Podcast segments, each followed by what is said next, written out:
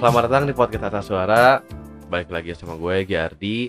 Jadi di sini Atas Suara bakal kolaborasi sama mitra kerja OSIS, yaitu organisasi MPK. Nah, jadi kita udah sama program dari MPK. Nah, kita bakal ada pembahasan nih. Apa sih pembahasannya, Zel? Coba kita jelasin dulu deh ke pendengar-pendengar.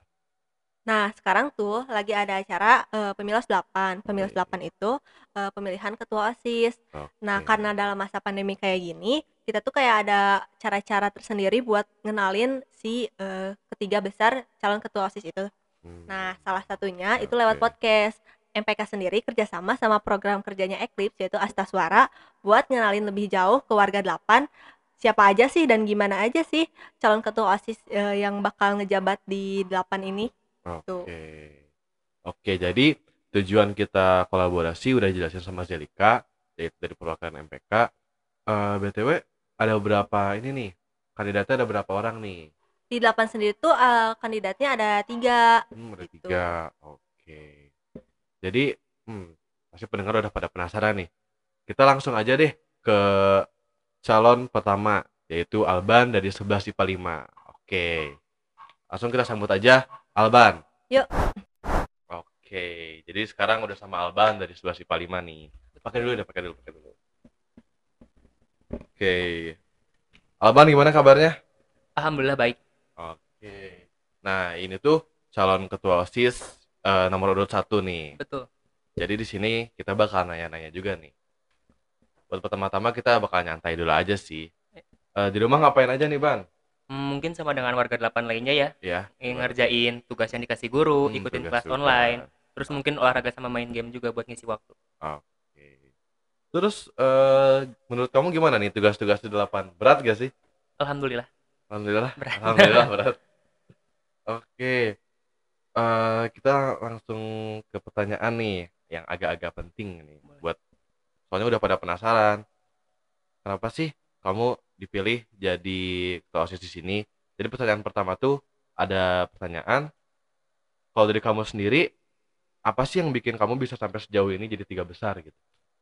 Menurut saya apa yang membuat saya bisa berada dalam posisi ini adalah kemampuan saya, baik mungkin dari sikap kepemimpinan, kemampuan saya untuk menghadapi suatu masalah, dan juga prinsip untuk tidak kabur dari masalah tersebut. Oke, jadi menghadapi masalah. lah ya. Betul. Oke. Terus pertanyaan selanjutnya, rasanya gimana sih jadi tiga besar tuh? Apakah jadi deg-degan atau gimana? Di saat yang sama agak nervous ya, Agak tapi nervous. senang juga sih. Ada bangga lah dikit. Oh, ada pengalaman sendiri Betul. ya. Oke, oke. Yang kamu siapin apa nih? Tuh udah jadi tiga besar. yang siapin mungkin ya baru sekedar tim ses tim ses sedikit Oke, saya- ya, ya, mungkin ya. juga rencana-rencana sedikit apa yang akan saya lakukan ke depannya lebih gitu. Hmm, Kurang lebih kayak gitu ya. Kalau ini ada pertanyaan yang ini banyak sudut pandangnya nih. gue mau minta coba lu deskripsiin diri lu sendiri kayak gimana sih? diri saya sendiri menurut menurut saya merupakan seorang anak biasa dengan Hmm. ekskul yang gak terlalu famous-famous juga merupakan seorang anak yang dengan sikap tanggung jawab yang tinggi amanah yang Oke. tinggi dan mungkin orang-orang menganggap saya bisa public speaking dengan baik Hmm, oke oke oke oke. Terus selanjutnya eh tadi kita kan ngebahas soal ini kan, kegabutan kamu di rumah ya. betul Terus sekarang kamu udah jadi tiga besar, terus ada tugas-tugas juga kan Betul. selama masa pandemi ini. Itu kamu bagi waktunya gimana nih? Di antara kamu mikirin soal organisasi kamu, mikirin soal kamu, mikirin soal tentang tugas-tugas kamu. Kamu bagi waktunya gimana tuh? untuk bagi waktu sebenarnya menurut saya jatuh ke dalam disiplin waktu Hmm, bagaimana saya membagi waktu oke. berdasarkan prioritas dan apa saja yang saya lakukan. Oh. Tapi menurut saya sih sampai titik ini tidak ada antara tiga hal tersebut tidak ada yang bertabrakan atau bagaimana. Di Oh. jalan lancar-lancar saja. teratur aja lah ya. Betul. Oke. Terus selanjutnya, eh, sekarang kan kamu jadi tiga besar. Kalau semisal nanti kamu kepilih nih, kamu kepilih jadi ketua OSIS. Apa sih pentingnya jabatan buat diri kamu sendiri? Sebenarnya menurut saya jabatan nggak lebih dari sekedar nama dan tanggung jawab yang baru ya. Hmm, Gitu. ya, ya, ya. Oke, oke. Kamu yakin gak sih kamu bakal kepilih jadi ketua OSIS? At least 9 dari 10. Ay, yakin, yakin orangnya dia. Terus, kalau semisal kamu udah kepilih jadi ketua OSIS, program kerjanya tuh apa sih yang bakal kamu lakuin? Program kerjanya mungkin tidak akan jauh beda di saat tidak ada pandemi. Tapi yang mungkin saya akan lakukan adalah mengganti sistem. Hmm. Bagaimana sistem yang awalnya bertemu fisik, bertemu secara sosial, sekarang harus dilakukan dengan jarak jauh. Dan juga sistem untuk mengajak masa kan harus berbeda. Oh iya iya. Oke oke. Kita ada pertanyaan titipan yang menurut saya emang agak penting. Kalau misalnya kamu lagi ada rapat, terus eh, antar caketos tuh ada yang berbeda pendapat. Nah, kamu tuh bakal nyikapinnya kayak gimana nih? Menurut saya, sikap yang akan saya lakukan adalah pertama untuk menerima dulu. Pendapat Oke. dari berbagai macam pihak, saya terima, saya pikirkan baik-baik. Misalnya ada satu dengan lain hal yang bertentangan, apa sih yang bikin bertentangan tersebut? Cari akar permasalahannya, lalu cari jalan keluar yang tidak merugikan kedua belah pihak. Oke oke. Dari pembicaraannya emang terpercaya lah ya. Emang eh, dengan cara kamu berbicara seperti ini, dengan ambisi kamu untuk jadi ketua OSIS, yang jadi role model kamu siapa sih? Role model saya sebenarnya ada salah satu pejuang zaman dulu namanya Che Guevara, Oh iya iya. seorang revolusioner Argentina yang berjuang di Kuba, gitu. Salah satu role model saya dalam memimpin. Kenapa kamu milih dia sebagai role model kamu sendiri? Karena pertama saya merasa dia punya visi yang sangat kuat bagaimana dia ingin orang-orang berubah ke arah yang lebih baik. Oh. Dan juga dia mempunyai ketahanan yang di mana pada waktu itu pun dia menentang banyak pemimpin dunia kan pada masanya. Iya iya iya. Dia bisa bertahan itu kece banget. Hmm, oke oke. Sebelumnya kamu kepikiran gak sih kalau kamu tuh bakal diangkat jadi tiga besar gini? Sebenarnya agak shock juga tapi nggak menutup kemungkinan dari awal emang saya terpilih. Oh, udah rada merasa ya. Lumayan. Kalau tadi kan kamu bilang kalau misal kamu nanti diangkat jadi ketua OSIS yang bakal kamu ubah itu adalah sistemnya ya. Betul, Eh, sistem juga pasti angkatan sebelumnya kan ada sistem nih. betul. Penilaian kamu sendiri tentang kinerja sistem sebelumnya gimana tuh? Menurut saya kinerja berarti OSIS angkatan sebelumnya ya Ya, terhitung cukup baik. Tapi memang agak tersendat karena pandemi ini. Tapi menurut saya adaptasi yang dilakukan pun sudah dapat berjalan dengan cukup lancar. Oh. Tetapi mungkin ada beberapa aspek yang bisa ditingkatkan dan mungkin itu yang akan saya lakukan. oke. Arti OSIS sendiri apa sih bagi kamu tuh? OSIS bagi saya selain sebuah organisasi pemersatu siswa di sekolah, bagi saya pribadi merupakan sebuah rumah di mana saya bisa mendapat teman baru, pengalaman baru, dan juga banyak ilmu yang tidak saya dapatkan di luar OSIS. Oke, oke, oke. Nah, ini pertanyaannya terakhir nih, pertanyaan terakhir dan penting juga nih buat para pendengar dan buat kamu sendiri. Kenapa warga delapan harus milih kamu sebagai ketua OSIS? Kenapa warga delapan harus milih saya? Yang saya rasa pertama itu saya mempunyai rasa kepemimpinan yang tinggi, lalu saya merasa soft skill yang saya punya dapat membawa OSIS dan SMA 8 Bandung ke arah yang lebih baik lagi. Dan Oke. jika ada satu hal yang dapat saya janjikan adalah saya akan mengerahkan seluruh jiwa dan raga saya untuk mengemban amanah ini dan juga tidak akan kabur dari masalah apa pun yang akan saya hadapi. Oke, bagus, bagus, bagus, bagus. Oke, jadi eh, dari Alban sendiri, eh, tadi Alban udah ngejelasin panjang lebar tentang tentang dia sendiri, gimana cara dia untuk mendeskripsikan dia sendiri, terus gimana tentang proker-proker sebelumnya, gimana dia tentang sistem-sistemnya nanti. Oke, mungkin terima kasih Alban atas waktunya. Saya juga makasih banyak. Siap, siap, siap. Jadi untuk selanjutnya kita bakal langsung ke nomor kedua ya, calon ketua OSIS nomor urut 2. Jadi eh, namanya siapa tuh yang nomor urut kedua? Namanya Irfan. Dari Eh, kelas? Dari kelas 10, 11 IPA 6. Oke, Irfan dari 11 IPA 6. Terima kasih Alban atas waktunya ya. Sama-sama. Oke, semoga nanti kalau keteri- kalau keangkat kamu lakuin proker kamu dengan sukses lah ya. Amin amin. Terima Oke, kasih. oke. Makasih ya. Halo Asta People. Nah, sekarang kita udah bareng sama calon ketua OSIS kita yang kedua. Sebelumnya, perkenalkan diri dulu ya. Nama aku Gadis Azalia dan aku merupakan salah satu dari anggota MPK. Sekarang aku bareng Egi bakal wawancara dari salah satu calon ketua OSIS kita nih kali ini. Kita sekarang udah bareng sama Irfan. Oke, halo Irfan. Irfan kelas mana nih?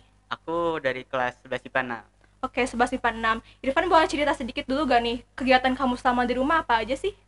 Ya kalau di rumah sih sebenarnya sama kayak yang lain sih. Saya eh, belajar, tugas, terus eh, kadang olahraga, terus ya paling biar nggak bosen juga di rumah main game sih. Hmm, gimana nih perasaan kamu udah kelas 11 di SMA 8? eh perasaannya sebenarnya eh, lumayan nih apa capek soalnya saya sendiri ngerasa tugasnya tuh banyak dari guru jadi ya Oke, semangat ya Irfan, kamu masih ada satu tahun lagi. Nah, langsung lanjut aja ya ke pertanyaan yang pertama nih. Nah, kita bisa sebut nih fase ini adalah salah satu fase di mana puncaknya kamu nih di SMA kelas 11 nih. Apalagi kamu juga terpilih jadi salah satu kandidat ketua OSIS. Menurut kamu apa sih yang bisa membawa kamu ke poin ini? Eh, kalau dari saya sendiri sih, saya ngerasa kalau misalnya saya tuh eh, orangnya cukup disiplin. Saya itu eh, bisa membagi waktu saya dan saya juga sangat-sangat menghargai waktu tentunya. Eh, dengan segala amanah yang saya berikan, eh, saya merasa kalau saya sudah bisa menjaga amanah itu. Hmm, oke oke mantap. Nah, sekarang ada hubungannya nih sama pertanyaan yang pertama. Kira-kira perasaan kamu gimana sih udah terpilih jadi tiga besar calon ketua OSIS?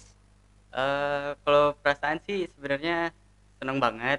Soalnya eh, sejak ma- masuk OSIS tuh ngelihat ketua OSIS tuh keren. Jadi ya seneng sih sebenarnya masuk tiga besar. Oke oke. Irfan sekarang kamu kelihatan gugup banget nih. Kira-kira kira-kira apa sih yang udah kamu persiapkan sejauh ini sebagai usaha kamu untuk menjadi eh, tiga besar calon ketua OSIS? Hmm, yang udah disiapin sih ya pasti siapin diri, siapin mental, eh siapin juga mungkin cara nggak aku ngomong, soalnya aku kadang suka gugup. Terus ya paling kalau buat eh kampanye sih udah eh, lumayan nyiapin buat tim. Oke, semangat terus ya persiapannya Irfan. Nah, lanjut ya. Berarti di sini pertanyaan keempat ada bisa gak sih coba coba tolong eh, deskrip- deskripsikan tentang diri kamu sedikit aja gak apa-apa. Eh, kalau aku sih orangnya bawaannya santai sebenarnya. Jadi eh, kalau misalnya untuk komunikasi sama aku ya kita santai aja. Terus eh, kalau misalnya buat eh, kerja juga kerja kerja santai kerja santai tapi tetap produktif. Hmm, oke oke. Nah, sekarang boleh tahu nggak kamu ekskulnya apa aja nih Irfan? Kalau ekskul sih eh, badminton Hmm, ba- badminton aja. Kalau misalkan les dan segala macam? Les les sih dari online aja. Hmm, oke oke. Nah, sekarang berarti kamu ada les, ada badminton, terus ini mau jadi trimitra OSIS juga. Kira-kira gimana sih cara kamu untuk membagi waktunya? Nah, kalau ngebagi waktu sendiri sih, kalau dari saya nggak ada cara khusus. Cuman eh, dengan kondisi yang sekarang pandemi ini, mungkin badminton memang sekarang lagi kurang aktif. Sedangkan untuk belajar sendiri itu, menurut saya belajar itu fleksibel. Jadi belajar tuh bisa kapan aja, bisa di mana aja, sama siapa aja gitu. Nah, terus kalau buat mungkin waktu untuk keluarga kali ya, waktu untuk keluarga sih eh, menurut saya selalu ada sih. Soalnya kalau saya pribadi ngerasa kalau misalnya keluarga saya tuh selalu ada gitu buat Cara kamu nyempetin waktu untuk main di tengah-tengah kesibukan kamu itu gimana dong? kalau main sih sebenarnya nunggu waktu kosong aja sih. Kalau lagi kalau lagi emang kosong dan lagi lagi nyantai ya baru main. Oke, lanjut. Berarti sekarang Irfan pertanyaannya adalah apa arti OSIS bagi kamu? osis bagi aku sendiri tuh udah rasanya udah kayak keluarga kedua lah. Soalnya eh osis tuh gimana ya? Kalau apa-apa tuh kita selalu bareng-bareng. Jadi kayak misalnya lagi gawe osis juga kita tuh selalu bareng-bareng selalu ngecover. Dan bahkan di luar kerjaan osis juga kita bareng-bareng gitu. Belajar. Belajar tuh gimana ya kalau aku sendiri ngerasa kayak punya guru yang seumuran lah jadi kayak misalnya aku nggak ngerti sesuatu tuh pasti teman-teman osis tuh ngebantu Langsung ngajarin juga ya. iya. Oh iya. Berarti gak cuman gawe bareng aja tapi ada kekeluargaannya juga gitu. Oke, oke. Berarti lanjut aja ya. Nah, sekarang seberapa penting sih jabatan ketua OSIS itu bagi kamu? Hmm, bagi aku eh, penting banget. Soalnya aku juga kan eh, mau jadi ketua OSIS tuh buat menambah pengalaman, menambah eh, keberanian aku, menambah eh, kepemimpinan aku juga. Dan menjadi ketua OSIS tuh gimana ya? Udah kayak dapat kehormatan yang besar lah. Hmm, oke oke. Nah, sekarang berarti seberapa yakin sih kamu 1 sampai 10 untuk terpilih menjadi ketua OSIS? Mungkin 9 kali ya. Kenapa nih satunya lagi?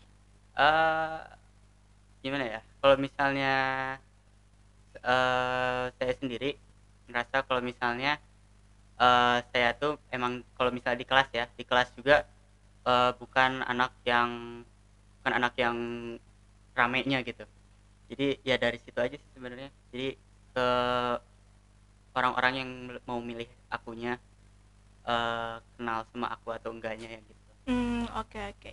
Nah, sekarang kita ada pertanyaan spesial nih dari salah satu guru kita.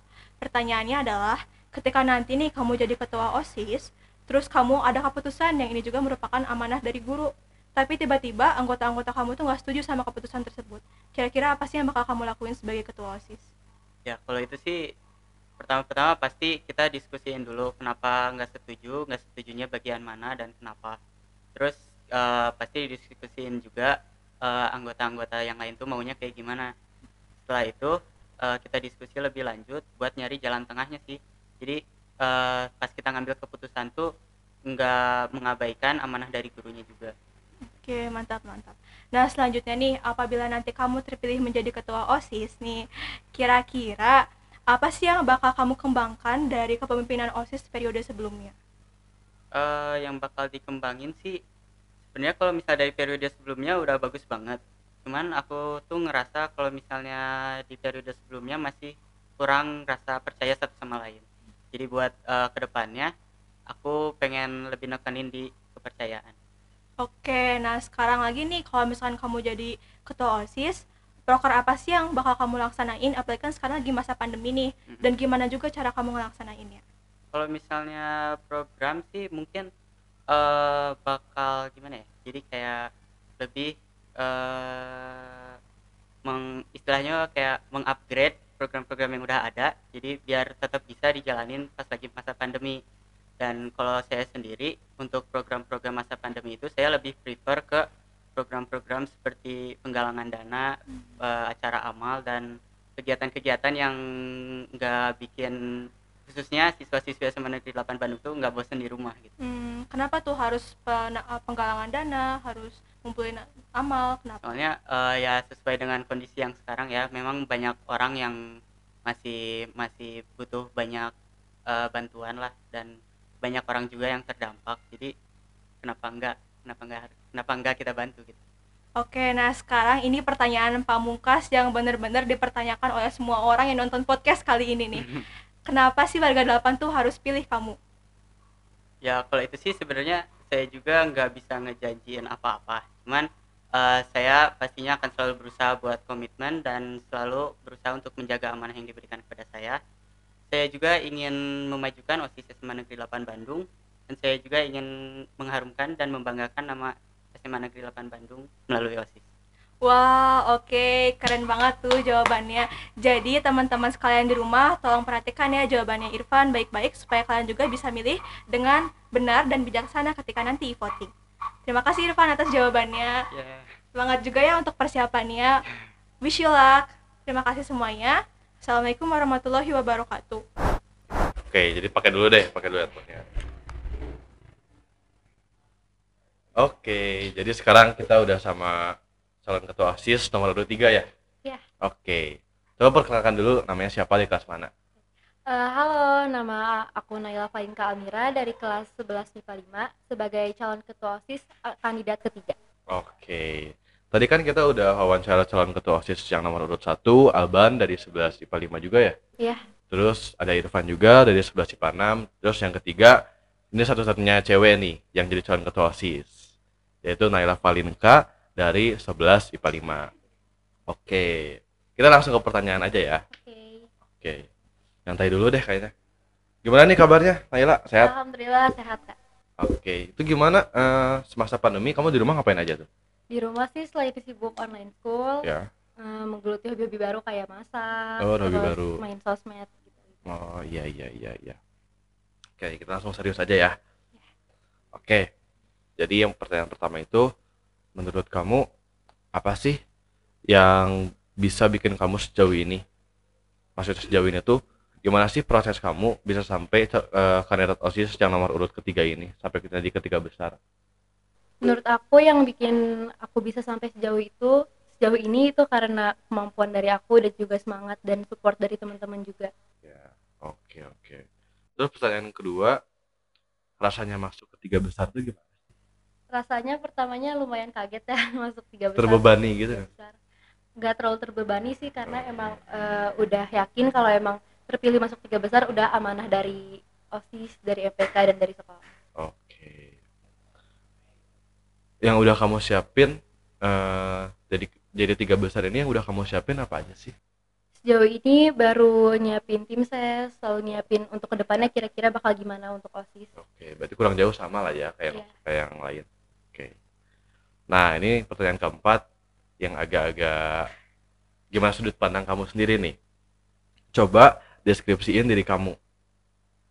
Eh, aku itu eh, adalah seseorang yang lumayan aktif, gak lumayan sih memang aktif Ya. dalam berbagai kegiatan, dalam OSIS, dalam ekskul juga dan juga suka mencoba hal-hal baru. Oke. Eskul kamu apa aja sih? Aku ekskulnya Gama Karya. Oh, Gama Karya sama OSIS berarti sama ya. Oke. Tadi kan eh, aku udah nanya kan yang pertanyaan santai tadi tentang gabutnya kamu di rumah ngapain aja tuh. Belajar online, terus belajar hobi baru juga. Iya. Terus sekarang kan kamu organisasi ada dua tuh, OSIS sama Gama Karya. Nah, cara kamu bagi waktu itu gimana sih? Kalau cara aku bagi waktu sebenarnya aku nggak ada cara khusus. Ya. lebih ke ngikutin waktunya aja terkadang kan soalnya mungkin Gama Karya dan OSIS punya waktu kesibukan yang berbeda-beda kalaupun emang eh, di satu waktu yang sama aku lebih nentuin prioritasnya di setiap kegiatan aku harus prioritasin yang mana gitu Oke. Terus hmm, yang nomor 6 tuh kalau semisal nanti kamu udah jadi misalkan kamu diangkat nih jadi ketua OSIS, kamu terpilih jadi ketua OSIS. Nah, apa sih arti jabatan ketua OSIS sendiri bagi kamu? Arti jabatan sendiri deh apa? kalau arti jabatan ketua OSISnya buat aku itu adalah seseorang yang memimpin eh, tidak hanya OSIS tapi seluruh warga 8 juga dan juga eh, seseorang yang bisa membawa SMA Negeri 8 ke arah yang lebih baik lagi sih tentunya.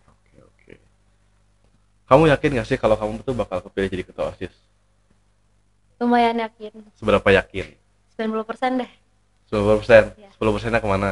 10 persennya karena rekan-rekan saya yang lain Alban dan Irfan juga memiliki potensi yang besar gitu untuk menjadi Oh, ketua Oke OSIS oke. Jadi yang lain juga punya potensi besar lah ya untuk jadi. Iya, Saling bersaing aja lah ya. iya. Eh, ini ada pertanyaan titipan nih dari salah satu guru delapan. Oke. Misal kamu tuh lagi rapat nih sama calon ketua OSIS lain atau enggak sama anggota-anggota OSIS lain gitu, lagi rapat. Nah, pas kamu rapat itu kamu diamanahin dari guru untuk mengajukan pendapat itu.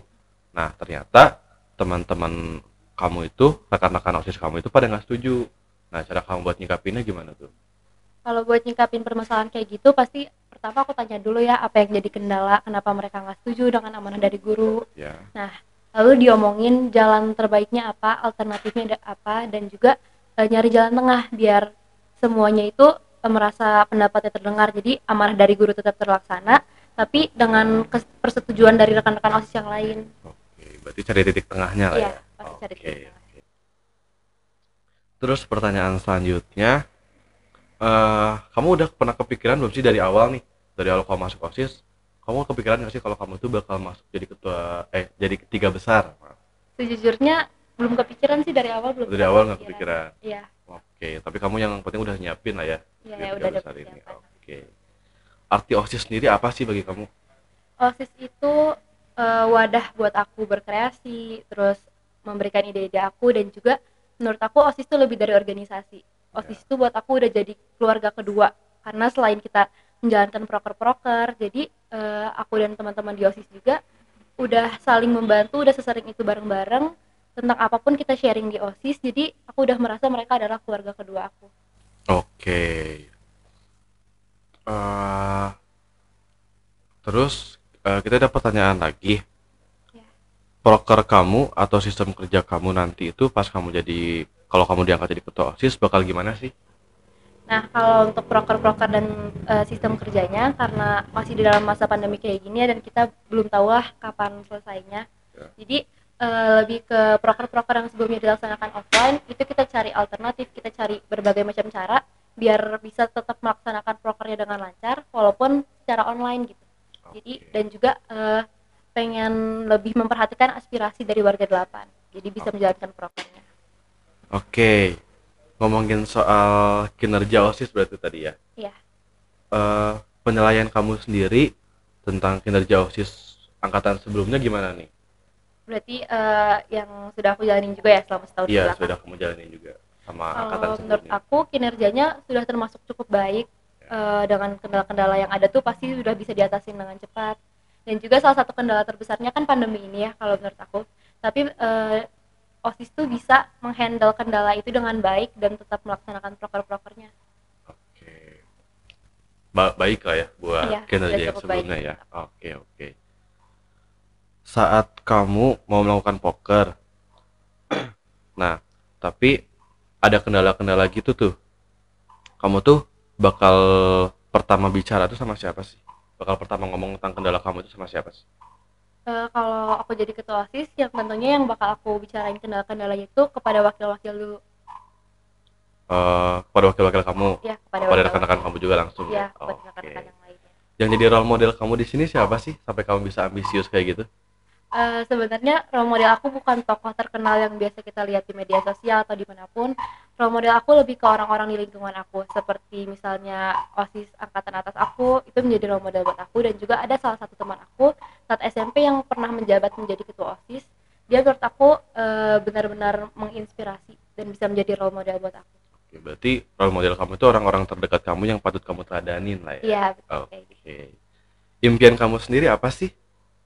kalau impian aku sendiri aku pengen jadi dokter gigi Pengen dokter gigi. Iya. Oh, FKG ngambilnya Marnat pasti. dan semoga dari situ aku bisa membantu orang-orang banyak Oke, tujuannya mulia ya.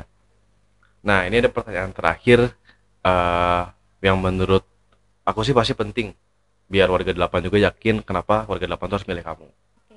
Nah, itu pertanyaannya. Kenapa warga delapan harus milih kamu sebagai ketua OSIS? Eh, warga delapan harus memilih aku sebagai ketua OSIS karena insya Allah aku bisa memegang kepercayaan dan amanah yang diberikan oleh sekolah dan juga eh, memiliki keinginan yang tinggi untuk memajukan SMA 8 serta mendekatkan dan juga merangkul seluruh warga delapan. Oke. Oke, pertanyaannya semuanya udah ditanyain nih pada Naila. Mungkin eh, buat wawancara dengan calon ketua OSIS dicukupkan. Nanti kita akan kembali lagi ke segmen mention tentang Asta Fest dan juga closing. Oke. Terima kasih Naila atas waktunya Ya, sama-sama. Ya. Makasih banyak, Kak. Oke, jadi di segmen ini kita bakal bacain Asta Fest ya atau Asta Confess. Jadi kita langsung aja deh pada tujuannya langsung. Bread. Oke, yang pertama itu, waduh ini dari anonim. Gak mau nyebutin nama. Apa katanya? Ini buat Vito yang ngerasa bernama Vito. Vito siapa lagi kalau bukan ketua Eclipse kita gitu. Pesannya tuh kangen banget pengen ketemu. Aduh, siapa itu? Banyak kemungkinan ya. katanya. banyak kemungkinannya ini siapa yang ngirim tapi kayaknya jadiin Vito biar penasaran sendiri aja deh Iya. kita lanjut lanjut yang kedua apa tuh Yang kedua, aduh ini di anon juga nih. aduh di Anon juga Buat Afisena Ahmad katanya. di Sena Oke. Isinya tuh katanya Hi, I hope you're living your best life happily. Also, I always pray for your happiness. Hope your life surrounded by a bunch of love cause you deserve that. You really do, Afis. Anjay. oke anjay mama Ya. Oh, anjay. nggak apa-apa nggak apa-apa nggak apa-apa soalnya itu nggak nggak dengar soalnya kita nggak akan dihukum oke jadi ini yang kedua kayaknya lebih menyemangati ya menyemangati Afisena Ahmad oke buat Afisena tadi kita udah bacain pesannya tetap semangat ya selanjutnya yang ketiga oh ini di anonim. Oke di anonim lagi. Nggak apa nggak apa-apa. Da- eh, ini dari anonim untuk semua warga delapan. Pesennya tuh oke. Wah ini menarik nih. Gak heran sih kenapa delapan bisa jadi favorit di Bandung. Emang bagus banget. Aku lihat eskul eskulnya bener-bener keren dan emang niat banget kalau bikin project. Terus dari akademiknya juga ambis ambis sepinter-pinternya banget isinya tuh pokoknya sukses terus ya buat semua warga delapan. Sukses juga buat naik pensinya ya. Oh ini kata dianya for information aku bukan anak 8 oke berarti ini eh anak SMA lain nih kasih semangat ke anak-anak 8 dan juga dia nungguin pensi Atma Asta ya. Oke kita doain aja. Semoga Atma Asta tahun ini bakal ada lagi. Bakal Terus- jalan.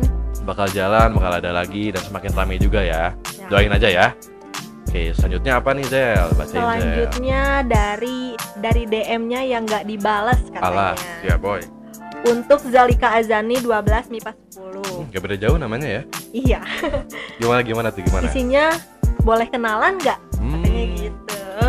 ada yang mau kenalan sama Zalika? Katanya DM-nya nggak dibalas nih. DM-nya nggak dibalas, tolong dibalas ya. Ini maaf maaf aja nih. Takutnya dia kan jadi sad boy atau gimana Iya, kan? pengen kenalan. Kasian. Jadi kayak Arya. Oke, lanjut lagi. Oke, yang selanjutnya dari anonim juga nih. Buat Nisa Sekar. Oke. Tahu kan Nisa Sekar siapa? Tahu lah kan? Nisa Sekar. Pesannya tuh semoga kita bisa deket ya, tambah emot senyum. Oke, Kita lanjut lagi. selanjutnya siapa? Oke, ini dari anonim. Buat, aduh, ini ngena. Buat kamu yang lagi stres dan merasa depresi. Oke, pesannya tuh terus berjuang ya, jangan nyerah. Semua yang kamu rasain bakal jadi sesuatu yang berharga kelak. Semangat terus ya. Oke, Buat semangatin orang-orang nih. yang lagi Merasa stres, merasa Iya, depresi, moodnya lagi jelek terus. bete terus gitu. Terus Semangat ya, terus semangat ya. Oke, ini dari anonim lagi buat kakak-kakak host kita ya. Oke, makasih udah dibilang Oke. kakak-kakak. Masih dipanggil om soalnya. Kak, bikin podcast yang banyak ya. Rame juga buat nemenin gabut. Hehehe. Oke, makasih nih, makasih buat yang udah setia denger nih kayaknya. Oke, udah habis nih Astafes buat hari Oh, ini. udah habis. Udah. Oh, nggak ada lagi ya. Dikirain bakal ada pesan buat Jelika. Aduh, nanti kayaknya. Nanti. Kayaknya buat nextnya ada yang pesan buat Jelika, yang pengen kenalan juga. Aduh. Mungkin. Oke, mungkin eh, buat Astafes kita udah bacain dan topik tadi utamanya udah kita eh, tanya juga, udah kita bikin wawancaranya. Oke, eh, jadi terima kasih buat para pendengar yang udah dengar dan juga yang udah nonton. Pada episode kali ini, ini adalah episode spesial bagi kita sama MPK sendiri, soalnya kita udah kolaborasi juga ya. Makasih udah difasilitasi buat Ya. Ik- bikin acara pemilos ini lancar. Oke, makasih juga atas kerjasamanya udah diajak kerjasama dan juga makasih buat gadis Azalia tadi yang udah mau jadi host juga. Hai gadis. Oke, mungkin eh, kita cukupkan aja buat podcast kali ini. Terima kasih buat para pendengar dan penonton yang udah ngeliat kita. Eh, see you next time untuk lain untuk lain waktu. Assalamualaikum warahmatullahi wabarakatuh. Shalom. Dadah.